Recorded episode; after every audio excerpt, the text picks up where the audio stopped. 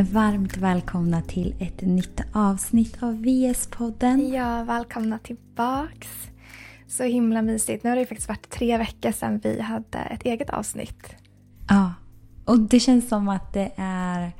Det finns så himla mycket att catcha upp. Så ja, det här kommer bli ett eh, riktigt mysigt avsnitt känner jag. Ja, verkligen. Men först och främst, hur mår du? Jag mår bra.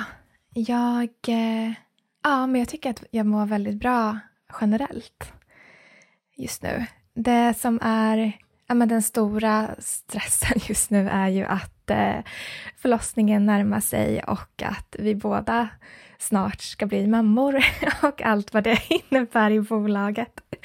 Det är ju lite av, alltså, nej men det är så mycket. Jag vet inte ens vart jag ska börja. Så att på, den, på det planet så är man ju mörbultad. Men jag skulle ändå säga att jag mår bra i, i mitt kår. Mm. Mm, hur mår ja, du? Det är skönt. Nej, ja, men det är ju som du säger att eh, det bara känns som att det blir mer och mer att hantera. Och en del av mig bara längtar efter att sakta ner, ta hand om mig själv, mer vara. Och det känns som att där krockar det för att jobbet kräver otroligt mycket nu. Men man inser också att det handlar så mycket om förhållningssätt eh, till okej, hur ser jag på jobbet eh, och också vad har vi för förväntningar på oss själva? Vad är möjligt? För man inser också att så här, det kommer aldrig bli klart. Verkligen. Ja, men som du säger, det kommer ju alltid nya saker och fler grejer. Så att det är ju verkligen i grunden, men vad, vad har vi för förväntningar? Hur vill vi jobba? Att återkomma till det igen. Vad är egentligen möjligt och vad är viktigt? Mm. Men jag tror också att det är nog inte konstigt att man känner som man gör. För att vi är ju i en transformation på så många plan. Alltså framförallt en inre transformation för vad ett, en graviditet och ett moderskap faktiskt innebär. Och man behöver ju tid för att få landa i det. Samtidigt som vårt bolag också är vår bebis och det kommer bli en transformation där. Där vi på ett sätt tvingas släppa kontrollen. Mm. Eh, vilket också innebär en mängd ol olika saker och utmaningar på flera plan. Ja men verkligen, det är som att man ska släppa taget lite om sin nuvarande bebis. Och det är ju, men det är alltid utmanande och som du säger, det här är en transformation. Det blir ett så nytt skede på så många sätt. Och det innebär så mycket förändring. Mm. Och förändring är ju läskigt. Alltså mm. det kan man ju inte komma ifrån att oavsett om det här är vad vi drömmer om så är det ju fortfarande en förändring som är utmanande. Och jag tror att så många känner igen sig i just de här känslorna. Vad en graviditet, ett moderskap eller andra delar i livet när saker och ting förändras faktiskt innebär. Så ja, vi, vi tvingas ju på ett sätt också verkligen in i vår core hela tiden. Att så här, okej, okay, vad är vårt mission? Ja, men det är ju att underlätta för kvinnor att må så bra som möjligt i alla skeenden i livet. Och nu kliver vi in i ett nytt skede. Precis. Och hur kan vi må så bra som möjligt och anpassa vår livsstil utifrån det? Men ibland är det som att man vill liksom inte göra de här förändringarna fast man vet att så här, men det är viktigt. Men det krävs ju mycket mod och tålamod och ödmjukhet för att faktiskt våga göra dem och leva som vi lär. Verkligen, för det är det att det är alltid läskigt när man inte vet vad som väntar. Vi kan inte kontrollera hur det kommer bli. Vi vet inte hur det kommer bli. Och det blir ju Alltså då kan man ju inte planera i detalj. Man kan inte göra en vattentät plan utan det kommer få skapas under tidens gång. Vi kommer behöva vara flexibla och inkännande och alla de här delarna som kan vara utmanande. Mm. Och jag tror att det är, det är ju en gåva för man tvingas ju lyssna in. Men det jag har insett senaste tiden, jag och Oliver pratade om det, att ibland har jag svårt att sätta mina behov först. Eh, eller att faktiskt kommunicera dem. För att jag är så anpassningsbar. Jag vill hellre lyssna in till vad någon annan känner. För då gör jag, gör jag inte det jobbigt för den andra personen. Men när jag uttrycker mitt behov i vissa situationer som jag övar mig på, då kan jag också se att okej, okay, det här blir med en konsekvens för den andra personen. Att okej, okay, det kanske inte blir på det sättet den personen har tänkt sig. Eller att det krävs mer av den personen. Och många gånger då tidigare i livet har jag nog valt att så här, men okej, men jag anpassar mig eller jag gör det här på bekostnad av mig själv. För då blir det heller inte jobbigt för den här personen. Men jag inser ju att jag går emot mina egna gränser. Och på ett sätt känner jag mig så klar med det, mm. men det är också läskigt. Ja men verkligen. Och det där är ju så invanda mönster och beteenden och där måste man ju öva sig i att som sagt uttrycka det och kommunicera kring det. Och där har man ju alltid saker att jobba på. Och det är nog där jag alltså, kan känna blir utmanande med tanke på att du går innan mig, att jag känner ju att okej okay, det kommer bli en extra load för att vi, det finns ju ingen som kan kliva in och jobba heltid och ersätta vad vi gör för att vi har jobbat med det här så länge. Sen är inte vi utbytbara, alltså vi är ju utbytbara, det är inte så att vi sitter på någon pedestal men det är fortfarande vi som är VS. Eh, men också att man då känner så här, okej okay, det kommer bli en load men hur mycket orkar jag eller hur mycket klarar jag?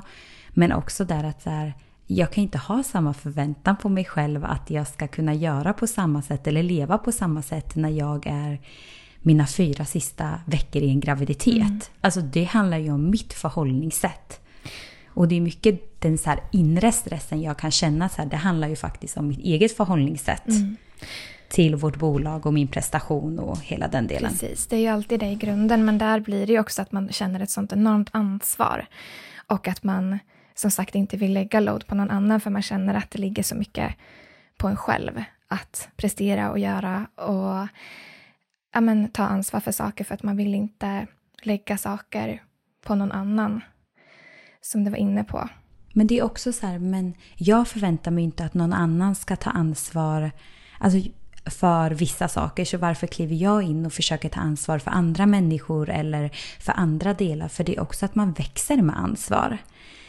Så att eh, ja, jag tror att eh, där har jag verkligen en puck att jobba på eh, och det kommer vi göra. För att jag, jag tror liksom i moderskap och hela den sak, delen så handlar det verkligen om att vi behöver börja ta ansvar för oss själva först och främst. Eh, och vår eh, bebis. Eh, och sen så kan man liksom mothering andra saker oavsett om det handlar, vår, handlar om vårt bolag eller andra delar. Mm. Ja men verkligen och det är någonting som man på ett sätt blir påmind om i en graviditet att när man har en annan person som växer inom sig så blir man medveten om att just den här personen är beroende av hur jag tar hand om mig själv. Men även fast man kan känna det så kan det fortfarande vara så utmanande att faktiskt ta ansvar för sig själv först och att ta hand om sig själv först. För att man som sagt oftast inte sätter sig själv i första rund. Nej, och det är egentligen helt sjukt för att det är då vi kan ge till andra. Verkligen. Och det är då vi kan vara i Så... alltså, vårt bästa och göra vårt bästa. Så att det är ju, ja, man vet ju det här på, en, på ett teoretiskt plan, men att inkorporera det och verkligen agera det är någonting man måste jobba på. Mm. Men det är väl därför vi har fått den här eh, delen i livet nu som vi ska kliva in i och att vi har en så stark och tydlig core. För det gör det ju ändå enklare att vägleda när vi vet vad som är sant för oss och vårt bolag. Och att faktiskt då, vi säger att vi vill driva det ett, från ett mer feminint perspektiv. Men vad innebär att faktiskt göra det på riktigt? Verkligen. Och där tror jag att vi kan bli bättre på att checka in där, alltså gemensamt. Just för att man ja, men när man hamnar tillbaka i de här maskulina mönstren hela tiden. Och mm. att vi kanske också måste sätta ramar då för att så här, okay, men hur kan vi ha ett system för att komma tillbaka till de här värderingarna oftare och påminna oss själva om det här oftare så att det blir lättare att, att leva det. Mm, för jag tror ändå så många kan känna igen sig i det här att man bara, alltså man går in i det här produktiva maskulina och det tänker jag nu att vi måste bara beta av alla de här sakerna så att det blir lätt sen. Men det kommer inte bli det. För det kommer fortsätta hela, hela tiden. Så att det är också en illusion av någonting som inte är sant. Utan det är ju så att det blir verkligen så här, ja, man behöver verkligen jobba med de delarna på riktigt mm. Och möta mm. dem inte bypassa dem för det går inte. Nej, men De kommer komma tillbaka. Exakt. Du har ju varit på Baby Moon. Vad har hänt de senaste tre veckorna? Ja, men jag började ju med min veckas semester i Grekland och eh, nej, men det var jätteskönt. Det var verkligen jättemysigt. Sen tar det ju några dagar att komma, komma in i att man faktiskt är på semester. Men överlag så försökte jag att bara vara. Jag konsumerade i princip ingenting. Jag läste typ en bok, lyssnade på eh, de här för- förlossningsförberedande kurserna som både du och jag lyssnar på. Den ena av Asabia och eh, hennes syster Britton, deras eh, hypnobirthing-kurs och eh, spiritual midwives-kurs. Så de har ju varit perfekta att lyssna på när man har kunnat så här, strosa vid strandkanten eller ligga och bara chilla i skuggan. Ehm, så att jag, ja, det var i princip det, det jag gjorde och annars bara försöka vila. Men snälla, säg att du åt god grekisk mat, för det gjorde du Ja. väl? Alltså jag kan ha sån craving på det. Nej, alltså, men alltså- herregud. Den grekiska yoghurten var helt otrolig. Alltså man blir så här, jag tycker att grekisk yoghurt är god hemma, men den här. Nej, så det var grekisk yoghurt till frukost med massa frukt och sen var det tzatziki till varje måltid som var så god. Så det kan jag säga att jag verkligen njöt av. Och så mycket grekisk sallad och ja, så himla gott. Drömmen. Jätte, jätte, jätte nice. Men du har ju också varit på semester. Ja, Berätta. det känns ju dock som man knappt har varit på semester för att man var i Sverige. Ja, jag förstår det. Men det var ändå så härligt att få komma hem och inte känna att jag sitter vid datorn. För det är ofta så när jag kommer hem så är alla andra lediga och jag jobbar. Eh, så den här gången har jag ändå haft möjlighet att umgås med människor och verkligen bara få landa lite. Så Oliver kom också till Sverige så vi hade en veckas semester. Så vi var i Norrköping, vi var hos barnmorskan, eh, vi har umgåtts med familj och vänner och vi har ju haft värsta vädret. Alltså fatta ändå att jag åkte från 5 grader och vinterjacka till typ 25 grader och sol. Äntligen! Ja, så härligt. Så- Det var ju ändå verkligen eh, alltså semesterväder så sett. Det gör ju mycket. Ja, så det har varit eh, jätteskönt och sen så... Nej men jag och Oliver var och hämtade vår vagn för att vi håller ju på att preppa det sista nu. De sakerna som vi ska ha med oss till Island för jag kommer ju förmodligen inte komma tillbaka till Sverige igen. Ehm, så vi har liksom preppat lite sådana saker, så lite bebissaker och det får ju också kännas så verkligt för jag tror inte jag hade varit ute i lika god tid eh, om det inte vore att jag hade behövt liksom få med mig saker hem till Sverige. Och sen så var vi också på en förberedande förlossningskurs Ja, tillsammans. nej men alltså jag vill höra mer om det här, för ni nämnde ju det när ni kom. Ni kom ju med vagnen, vilket också var så sjukt att bara se er två komma inrullandes med er vagn. Ja, men det gjorde verkligen att man bara, men gud, de är snart en familj. Det blev så verkligt. Ja, man bara, är det här lagligt? Har, har vi fått godkännande på att vi ska bli föräldrar? Nej, men ni var så fina. Men då hade ni precis varit på kursen. Ja, Ja, alltså du måste berätta. Ni var ju helt lyriska. Oliver var ju bara, det här är det bästa vi har gjort. nej men alltså det var så mäktigt att eh, ja, men få se honom. Gud, jag blir typ tårögd när jag tänker på det. Eh, men det var så himla mäktigt att bara få göra det tillsammans. Så vi var på en fyra timmars privat ja, förlossningsförberedande kurs eh, som grundar sig i föda utan rädsla och profylax. Och vi gjorde det med Dola by Malin heter hon. Så vi träffade henne första gången på Sanne Josefssons event Birth, Birth Inspiration Day. Eh, och det var egentligen där mycket öppnades kring födande för dig och Ja. mig. För vi bara det här är så coolt! Nej men det var ju ett skifte. Alltså man kom mäktigt." därifrån och bara, gud jag längtar till att ha en förlossning. Från att innan typ varit såhär, åh det verkar så jobbigt, det verkar så svårt och hemskt och jobb, alltså allting. Vi var ju lyriska. Exakt. Eh, så hela hennes sätt att se på liksom kvinnokroppen, på förlossning, ja, på hela den här delen resonerar jättestarkt med oss. Eh, så därför så bokade vi in den här fyra timmars eh, kursen. Och Ja, herregud. Alltså jag vet inte ens vart jag ska börja. Men du och Dan måste göra den. Det är en sak som är säker. Ja, Alltså. Men alltså fyra timmar, det låter så mycket. Vad, vad gick man in på? Vad gjorde ni liksom? Ja, men så vi kom dit, så vi hade den hemma hos henne. Eh, för att jag och Oliver inte har något boende på det sättet. Så där hon egentligen gick igenom, dels så fick man massor med frågor innan. Eh, som vi fick reflektera kring. Eh, och det här var ju också bra för att börja liksom väcka tankar. Och vi har ju lyssnat på de här kurserna så mycket har ju jag på ett sätt gått igenom. Men det är också svårt att återberätta eller kanske ställa frågor till Oliver och att han ska fångas i det. Verkligen. Eh, det, det, vet ju ni som lyssnade förra gången när Dan också bara “men Sara börjar prata om det här klockan tio, då är inte jag incheckad liksom”.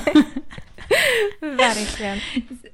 Så då gick man igenom frågor egentligen kring ja, men, hur man ser på sin kropp, alltså tron på kroppen, men också hur var ens egen förlossning? Vad är våran drömförlossning? Eh, vad finns det för rädslor? Och intentioner, hur ser vi på liksom the golden hour, det vill säga första timmen eller timmarna direkt efter förlossning. Hur, hur skulle vi vilja ha det? Och jag var typ inte, jag har inte läst så mycket om the golden hour. Jag bara, vad är det? Så satt jag och googlade och jag bara oh my god, det här är så viktigt, varför har ingen lyft det här Ja. liksom? Men alltså bara det där att få frågor innan och sen faktiskt alltså ställas inför någon annan, en utomstående person. Jag kan verkligen tänka mig att det gör sån skillnad, för som du säger att ja, men som kvinna ofta så kanske man mer sätter sig in och läser, lyssnar, allt det där, men att förmedla det till sin partner, det är inte så lätt. Så att ha bara en annan person som sen faktiskt kommer ställa den här frågan till dig och att man ska ha i alla fall på något sätt reflekterat över det måste göra sån skillnad. Mm. Och också bara diskutera frågor som man kanske inte rent praktiskt har tänkt. Och också att Oliver fick börja hela den här processen med att säga, men vad, vad tror han att jag behöver? Hur kan han supporta mig på bästa sätt? Och att sen vi kunde diskutera att men är det så jag känner? Eller är det tanken på vad han tror? Eh, men också att faktiskt komma in på saker att jag tycker det är viktigt att inte bypassa liksom rädslor. Eh, för att det kan ju finnas i en, men utan snarare lyfta upp dem i ljuset och bli medveten om att så här, okej, den här bilden kanske jag har haft eller och att så att han också vet om det och att jag också får veta har han några rädslor kopplat till förlossning eller har han inte det? Så vi fick ju massa frågor som vi, som vi svarade på och skickade in till henne. Men hur var det med de frågorna då? Var det, hade ni någon skillnad? Var det någonting som dök upp? Nej, alltså det var ganska överensstämmande men sen Oliver har ju inte- är ju inte lika insatt så han kände ju också att det var svårt att svara på vissa delar. Att så här, han bara, men det här är så himla mycket upp till dig hur din drömförlossning är. Men för honom kanske det handlade mer om att veta vad har jag för förväntningar? Vad har du för förväntningar på mig? På vilket sätt vill du ha stöd? Att du är tydlig i din kommunikation så att inte jag gör någonting och du inte känner dig bekväm med det. Utan mer, alltså det var ju mer sådana saker som för honom som stödperson under förlossningen att veta om. Medan min kanske var andra delar liksom. Som handlade mer om själva förlossningen. Att typ så här, ja men så här skulle jag gärna vilja ha det utifrån min intention nu. Men jag har ingen aning om vad jag känner då. Så det var väl med de delarna och där, det var ändå så skönt när vi kom till kursen och hon bara så här. Eh, den här kursen är framför allt till dig Oliver. Eh, Susanna kommer åka med och du kommer göra jobbet. Alltså så kraftfullt. Så att de också känner att så här, okej jag är involverad, jag har ansvar. Verkligen. Och också bara för att Alltså det skönaste jag kände med kursen var verkligen att jag känner att jag kan släppa ansvar. Att jag kommer kunna ha fokus på mig själv och min kropp och jag vet att Oliver kommer kunna ta ansvar om allt runt omkring. För att han vet vår, alltså min intention, det, alltså dialogen kan gå med honom för att han är så inspelad i det här. Han vet också vilka verktyg som fungerar, hur man kan göra. För det är också så här att även om vi vet saker, när vi är i vår värsta smärta som alla säger att det är, och det behöver inte vara något negativt utan bara att smärtan är väldigt intensiv.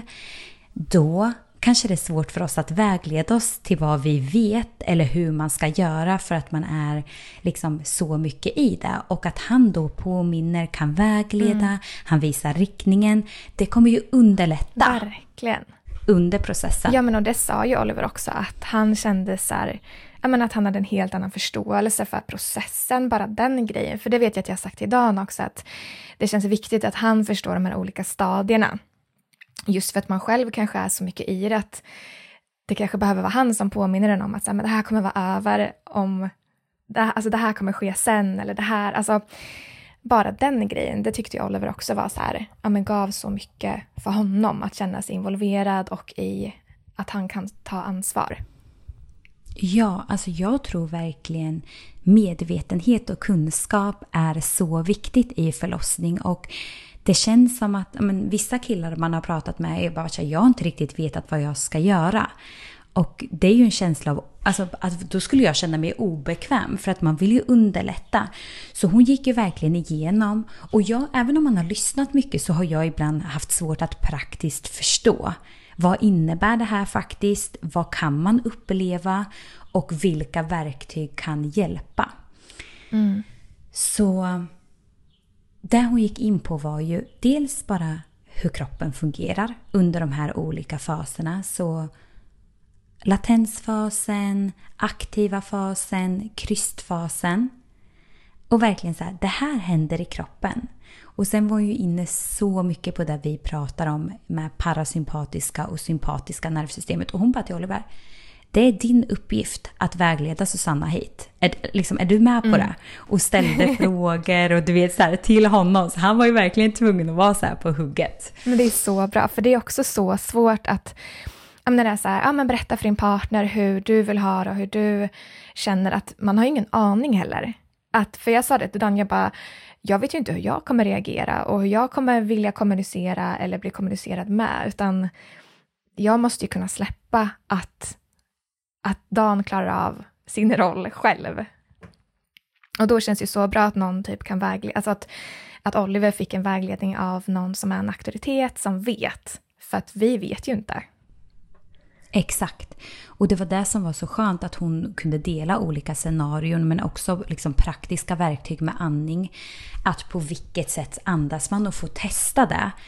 Att okej, okay, men vad händer när jag andas liksom högt upp? När man ser på filmer folk som föder så, ju, alltså, så är rösten väldigt mm. ljus. Mm. Men vad händer när man andas alltså mörkt och ner. Men också hur man andas ner bebisen istället för upp om man vill fly. Och att Oliver kunde så hon, vis, alltså hon visade så här, okej okay, det här är den här typen av andning, det här är det.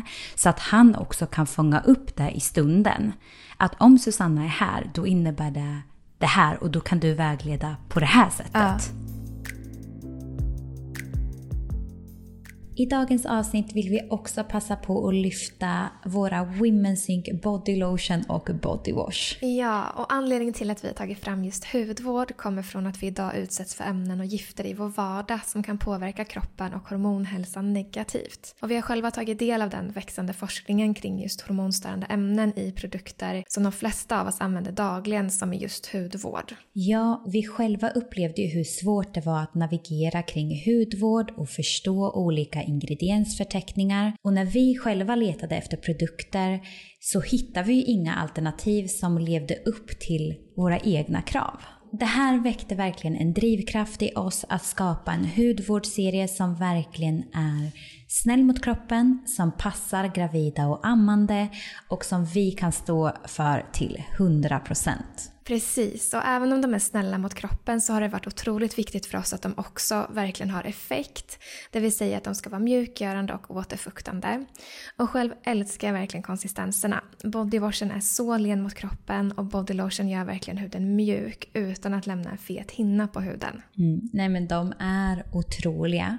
Och för att göra dem så närande som möjligt för huden så har vi fokuserat på att använda ingredienser som finns naturligt i huden och och som stärker och upprätthåller en hälsosam hudbarriär såsom exempelvis kvalen, E-vitamin och vitamin B3. Ja, precis. Och en viktig aspekt i framtagandet av hudvården är att vi har gjort dem parfymfria. Och det är eftersom att parfym är ett samlingsbegrepp som kan innehålla hundratals olika ämnen. Och de är även fria från PFAS, parabener, ftalater, BPA, mikroplaster och mineraloljor. Ja, och vi får ju ofta frågor vad vi använder och vi använder ju enbart de här produkterna nu och kommer att göra för resten av vår framtid. Eh, och framförallt nu när vi är gravida eftersom att de passar lika bra inför inför, under och efter en graviditet. Men de passar ju även för de som har känslig hud eller man har olika allergier eller bara för dig som är medveten och söker efter alternativ som är snälla mot huden. Mm. Och produkterna är också veganska och producerade här i Sverige.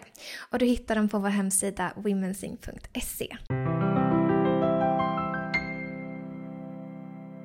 Men också att normalisera, du vet så här, men som rösten, att det är ju vissa som blir alltså, mer djuriska. Ja. Alltså prim, du vet att man bara sitter och... alltså, ja, och att också bara så här, du vet hon berättar om olika exempel kopplat till det. Eh, och att så man inte känner där sen och jag tror inte man bryr Nej. sig och man är ändå så bekväm. Men ändå så här, okej okay, det här kan hända. För att det är så här, ja, jag bara till Oliver, du kanske ser en helt ny sida av mig. Alltså jag kanske blir ett djur liksom.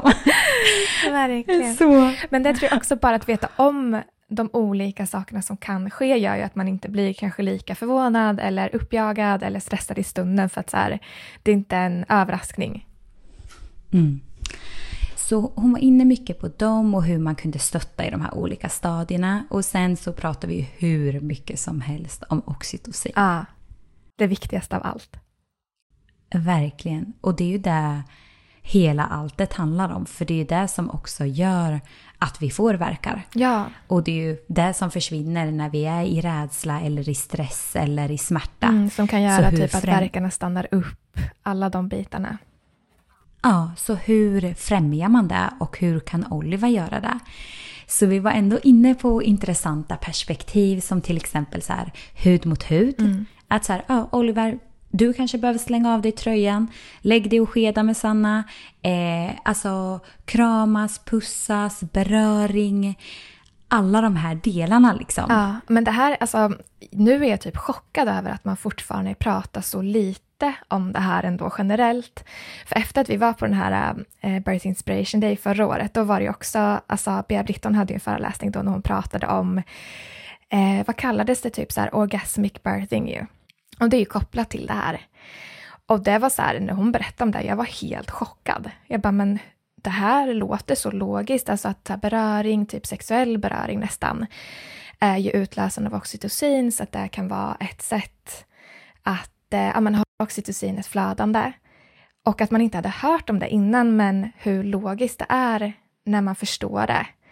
Och sen nu då, typ år efteråt, så är det fortfarande att man pratar med folk och oxytocin är typ så här, vad är det för något?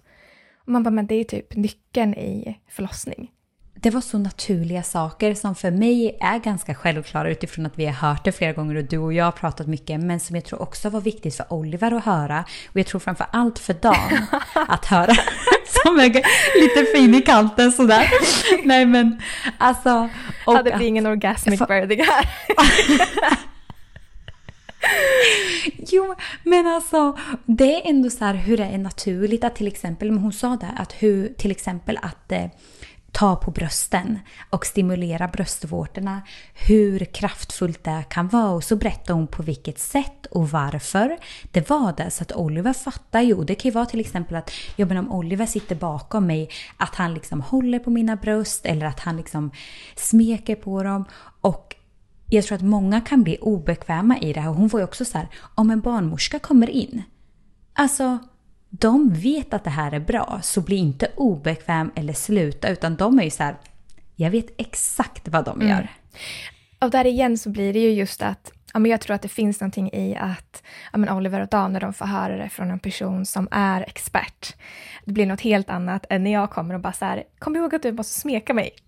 alltså, Ta på mina bröst. Ja, men exakt, då blir det liksom inte, jag tror han behöver logiken och förstå grunden till varför att det blir något helt annat då. Sen är det ju inte säkert att man, alltså man vet ju som sagt inte hur mycket eller stor del det kommer vara förlossningen, men samma sak där, bara att veta om det, veta att det är ett verktyg. Mm. Och det är därför jag tror att Dan skulle tycka om det, för att han är väldigt praktiskt och logiskt lagd. Precis.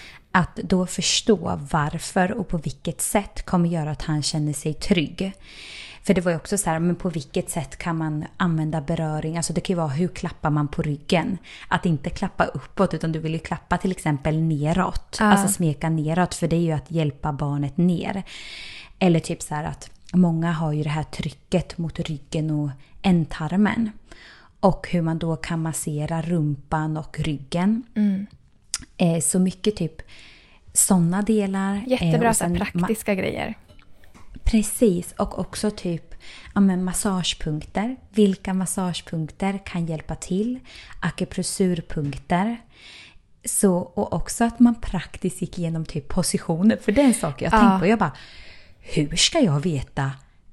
Alltså hur vet man Mm. vilken position man ska föda i och om någonting inte känns bra? Vad ska man var byta väldigt- till liksom? Exakt! Och det kändes så nice att hon visade olika och rent praktiskt bara, "Ja, så här kan du göra, så här kan du göra. Och att hon sa till Oliver bara, Susanna kanske ligger där och bara känner så här, jag orkar ingenting, jag tänker inte resa mig. Men att så här, okej, det är okej. Vi kör fem verkar och när vi har gjort de här fem verkarna då kommer du gå upp med mig. Alltså så att man förbereder. Hon var lite så här, men som ett barn. Att så här, han förbereder mig på vad som kommer. Eh, och också så här riktningen. Fem verkar, sen ska vi hit för det här kommer göra det här. Ja.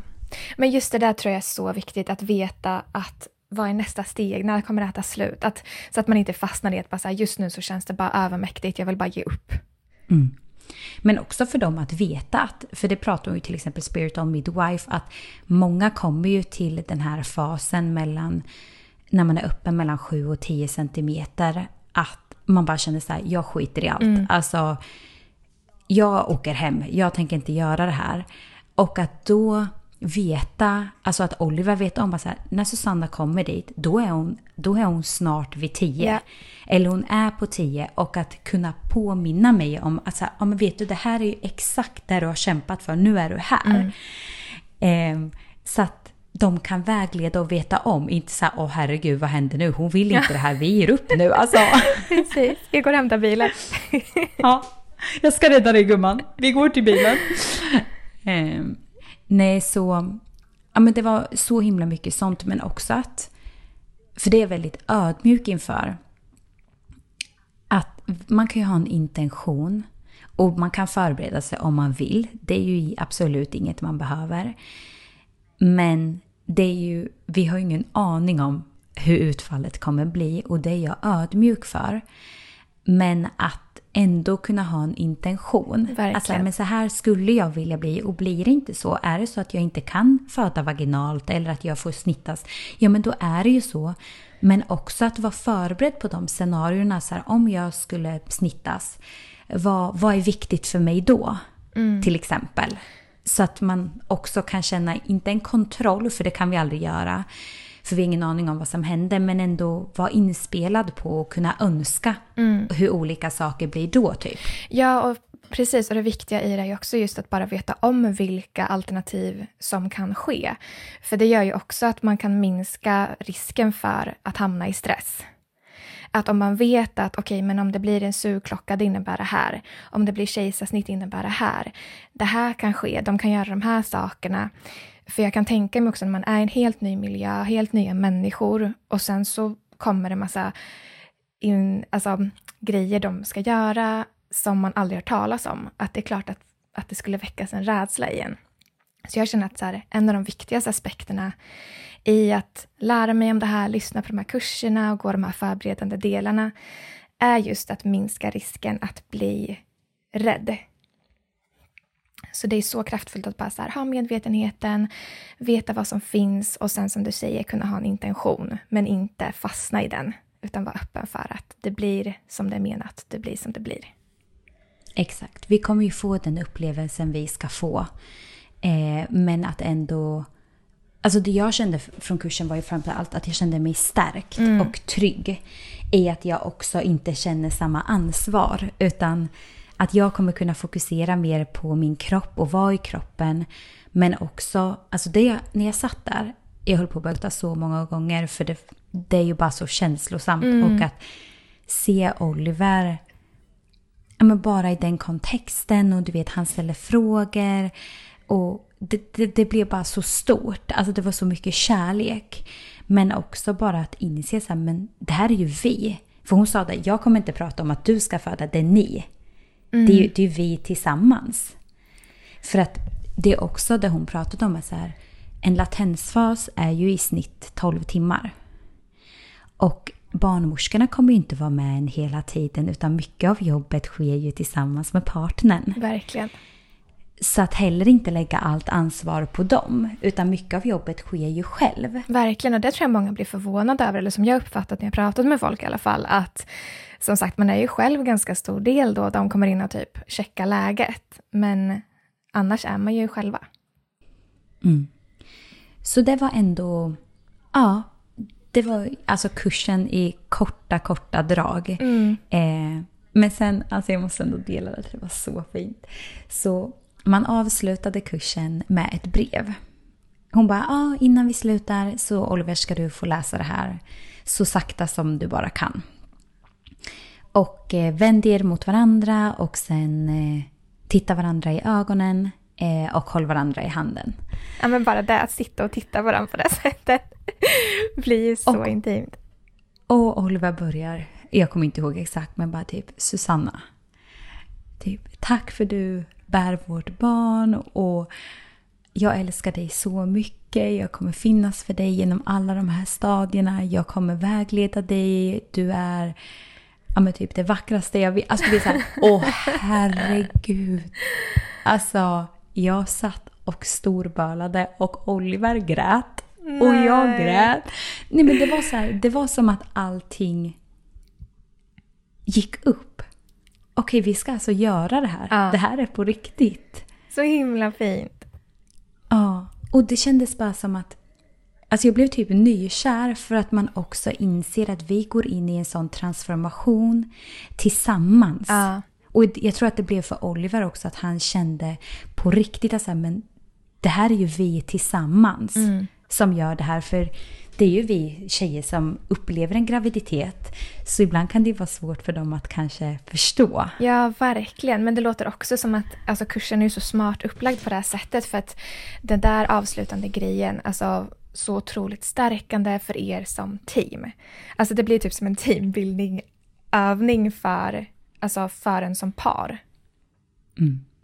Och det väckte också tankar i, för hur tänker du kring det? För att där vi inledde det här samtalet var, med var ju så här att ibland är det svårt att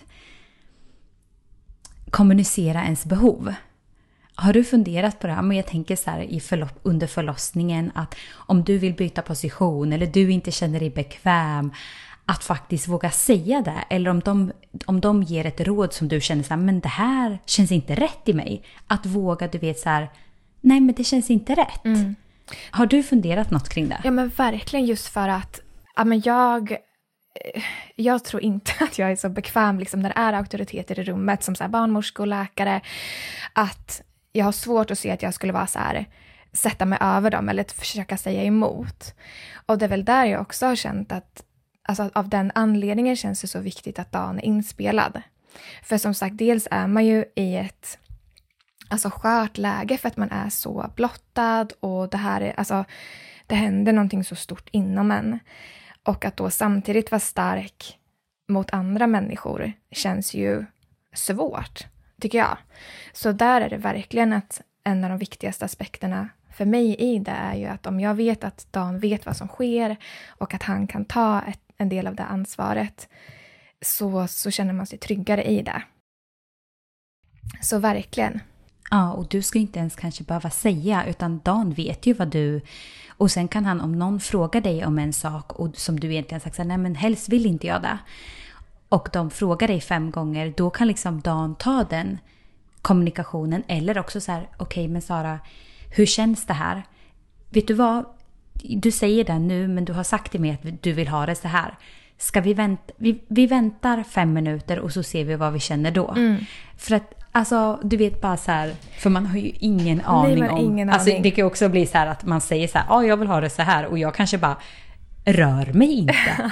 alltså du vet såhär, låt mig vara. Verkligen. Alltså man har ingen aning. Nej men, men där ändå. tror jag också så, alltså, för det sa jag till Dan, jag bara, men det jag tror att jag kommer uppskatta det är nog om, om, vi får, om jag får en fråga, att jag kanske vill prata med dig och så får du svara tillbaka. Alltså just för att man inte bara ska säga något i stunden utan att genom att prata via honom så kanske man hinner typ landa i det, tänka en extra gång innan man svarar. Mm. Så det är också typ någonting i det. Mm. Och det känner jag framför allt när vi födde på Island. Ja. Att också så här, ja, man vet ju inte hur de är på engelska och Nej. Alltså, det blir ytterligare, de här ytterligare en dimension av kommunikation. De drar något på isländska, jag bara, vad fan menar ni? Du kommer inte ha en aning om vad som händer, de kommer bara köra på. Nej, men sen gick hon också igenom så här praktiska saker och rutiner på sjukhus. För att man ska vara inspelad i så här typ avnavling, hur vill vi ha det? Att, sen har jag och Oliver diskuterat det till exempel. Ah. Eh, men också kring olika steg, typ så här, ja, ett pH-prov och alltså på navelsträngen, när ska man göra det, hur vill vi ha det? Alltså typ sådana saker. Mm. Och typ vad kan stå med i förlossningsbrevet och man kunde också skicka över det till henne. Okay. Så att hon kan kolla på det och bara så här, ja det här kanske utifrån vad ni har, vi har pratat om så sa jag att det här var viktigt, då är det viktigt att lyfta upp det här till mm. exempel och så. Så, så bra ju. Ja, men de delarna vet jag också att de gick igenom i eh, ja, men systrarna Brittons bok. Och det var också nice typ att bara få se vad är sjukhusrutinerna. För att som sagt, man har ingen aning.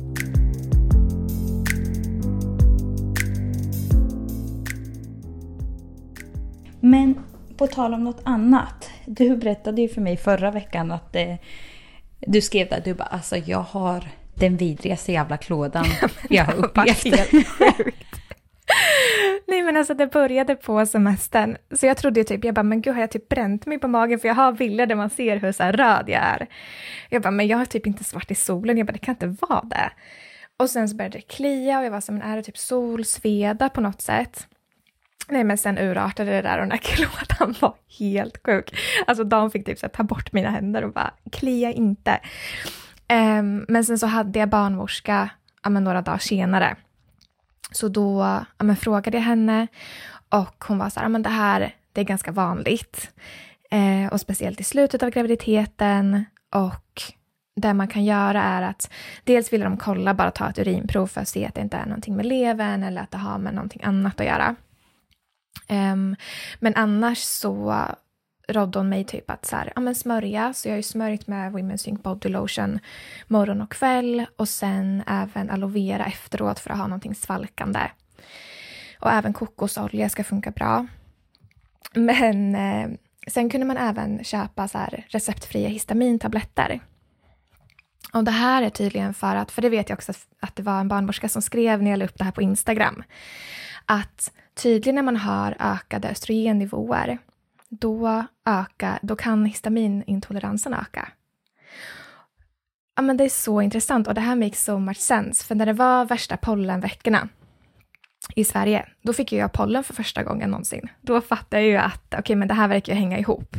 Så det är ändå sjukt intressant att i och med att man har högre östrogennivåer nu så kan man bli känsligare för histamin. Så något som också kom in, för jag la upp det här i stories eh, förra veckan, och det var ju så många som kände igen sig. Så då var det också någon som skrev typ att så här, men man kan undvika mat som eh, innehåller mycket histamin. Så till exempel bönor, linser, baljväxter, mejeriprodukter, ost, fermenterad mat, soja, tonfisk och makrill. Eh, så det är tips om, man, om det här sker för någon av er som lyssnar. Men ja, det var... Tufft för dig. ja, osten. Ja, osten och yoghurten och ja, eh, sojan och ja, fermenterat, det asiatiska. Du jag bara, vet. Mm. Men jag har hört att har man histaminintolerans kan det också finnas, alltså att man blir sugen på sån typ av mat. Det är så sjukt ju. Att, mm. Alltså, ja, Nej men det, det kanske ligger något i det, för jag har ju varit väldigt sugen på den typen av mat, mat hela graviditeten. Så det hänger ju säkert ihop. Men ja, sjukt intressant. Och det var som sagt, alltså det är så spännande att se när det är så många som också känner igen sig. Och det var ju någonting som blev så tydligt, för jag la upp eh, den, alltså min egen upplevelse och sen så ställde jag frågan så här, vad har ni upplevt i communityn som har varit symptom som man inte visste var vanliga eller som man inte var beredd på. Och det kom in så mycket. Ja men var det så? Och jag såg ju bara några. Ja. Och jag bara, jag, jag håller med på det här för det var någonting jag då bara satt och bara så här. Jo just det, jag var så, jag var så törstig. Ja. Alltså jag var helt så här. I så många dagar, jag ville bara dricka och dricka och dricka på kvällen. Ja. Och jag blir ju, jag kissade ju typ fem gånger per natt. Samtidigt, alltså det är skitjobbigt. Samtidigt som jag var så mätt till exempel. Och så ville jag bara dricka och dricka. Så det är så här, och så var det någon som skrev där bara, men jag, jag har varit o, heter det otörstig. ja, det kanske gör. Jag vet inte. Ja, jag vet inte. Men typ så här att jag inte kunnat sluta dricka. Ja. Så ja, jag bara, det är exakt det här jag känner. Ja men verkligen. Och jag kände också igen mig så mycket på den. För det är ju, och det hänger ju också ihop med att vi behöver ju mycket mer vätska och som vi har pratat om innan med elektrolyter, att det är inte bara själva vattnet vi behöver utan det är mineralerna. Men ja, jättemånga som skrev om törsten. Och där, ja, men bara en sån sak att där måste man ju verkligen dricka mer än vad man tror och få i sig mer elektrolyter än vad man tror. Mm. Och där kan det vara, tycker man inte om elektrolytpulver så kan man ju ta Celtic Sea Salt. Eh, lite av det i vattnet till exempel med, i vanligt vatten och med citron. Så det, det är ju för att få i sig de här mineralerna Mm, det är och så bra. elektrolyterna. Och det, för det har jag faktiskt också börjat dricka nu senaste veckorna. Så dricker jag ja, men, citronvatten med lite salt i på morgnarna. Mm. Ehm, det är också så här fräscht, typ nu när det är sommar och bara få lite C-vitamin. Men Mm. Och kokosvatten. ja, Jag dricker ju det så in i... Alltså herregud. ja, det är så gott. Ja, det är så gott. Ja. Helt orimligt. Ja, och det här alltså med törsten, det hänger också ihop med kramper. För det var ju också jättemånga som skrev och som jag också pratat om i podden ju, att jag har haft så mycket kramp. Och det hänger ju ihop att så här, ja, men har man brist på magnesium, mineraler, ja, det behöver man ju få i sig via både elektrolyter och det man dricker och det man äter. Så det, ja, det är ju logiskt att de här symptomen kan uppkomma. För det är sjukt. De, den senaste veckan har jag vaknat på natten och ibland när jag sträcker mitt ben på ett visst sätt. Då är det som att det, så här, jag kommer få kramp nu. Ja, det är exakt jag, så I, jag får. I vaden. Ja, det är exakt, exakt det. För varje morgon så vill jag sträcka på mig på det här sättet. Ja, och så håller och så jag på att göra det så bara... Och du vet, Nej, så måste man ändra. Ja, exakt. Man måste så här stanna upp. Och gör jag det hela vägen ut, då får jag den sjukaste krampen. Ja, Mm. ja men jag, jag kan hålla med. Ja. Ja. Nej men så det var ju också kramper, att vara törstig. Eh, sen var det någonting som jag aldrig hade hört talas om, som jättemånga skrev, och det var karpaltunnelsyndrom. Jag hoppas jag säger det rätt. Och det här är tydligen att man får domningar och stickningar i händerna. Och det här är tydligen vanligt i slutet av graviditeten och det var alltså så många som skrev också så här, det är så obehagligt. Och det kan man ju bara tänka sig. Att så här, om händerna typ domnar av. Mm. Men det här är också någonting som går över. För först när jag läste det då blev jag så här att jag nästan greps av rädsla. Jag bara, men gud nej, hoppas inte jag får det här. Men det är ju som med alla de här symptomen att det är någonting som försvinner sen efter graviditeten. Det var någon som det dock tog några veckor för, så hon bara, jag hade typ svårt att hålla i min bebis för mina händer var avdomnade. Nej. Ja, så att verkligen så jobbigt att, eh, ja men jobbigt att få det, för det verkar ju, alltså man använder ju händerna så sjukt mycket. Mm. Eh, Så det var ändå intressant också det här igen, att typ känna till att det kan hända så att man inte grips av panik typ. Mm. Eh, och sen så var det några fler saker. Dels var det nästäppa och det tänker jag kanske hänger ihop med östrogenet och histaminet. Det ska jag inte säga att det är så dock, det är bara en teori. Eh, men det vet jag en bekant som hade nästäppa hela sina graviditeter båda gångerna. Och det är så sjukt att Ja. alla får så olika alltså. Verkligen. Eh, och sen så har jag en annan kompis som ska få barn samma vecka som mig. Hon har fått jättemycket näsblod. Och det var också många som skrev. Så det är också så här, men det var också någon barnmorska som skrev typ att det kan bero på att man har ju ökad blodmängd och att blodkärlen blir lite mer vidgade. Mm. Det ser jag i mitt face. Ja, samma här. Och typ lite på bröstet börjar jag se typ att de har blivit mer framträdande. Ja. Ja men exakt, så att det finns ju verkligen en logik bakom och hon har alltid haft att hon haft lätt att få nä- näsblod så då blir det ju den typen av grejer som dyker upp. En annan sak var lock för öronen. Ingen aning om vad det beror på dock. Eh, och sen saker som vi varit inne lite på, det är hemorrojder. Jättemånga som skrev, så det är ju mm. en verklighet för många under graviditeten. Ja, och det är många som får det i samband med förlossning har jag förstått också. Ja, för att man pressar ut så mycket att det typ, ja men de säger ju att det är som att man ska göra sin största bajs någonsin. Ja, alltså verkligen. Men jag bara, det gör bara ont av tanken med hemorrojder och sen föda ut barn och sen dag, tiden efteråt. Ja, herregud ja. Aha, och att aha, folk är så här, ingenting ser sig likt ut. Nej. Ja. Babianrumpa brukar man säga va? Ja, exakt. Mm. Så det är ju eh, någonting man kanske får genomleva. Mm. Eh, och sen de sista sakerna som också var många som skickade in, det var ju ökade flytningar. Och det har vi också pratat om. Eh, men också att man redan under slutet av graviditeten alltså blir svullen. Alltså att typ, man blir svullen där nere liksom. Ja, fast jag kan ändå se att min fiffi inte ser exakt likadan ut. Ja, men samma här. Verkligen. Det är, det är fan sant alltså. Ja. men det är typ som att ja, men det är så mycket blod där nere liksom. Ja. Att kroppen på något sätt så här, fokuserar ju på vad som ska ske. Men det är en sak som folk inte har skrivit som, eh, som har hänt mig x antal gånger senaste tiden. Alltså är det ingen som kissar på sig eller? det var faktiskt ingen som skrev det men det kan jag verkligen tänka mig är vanligt.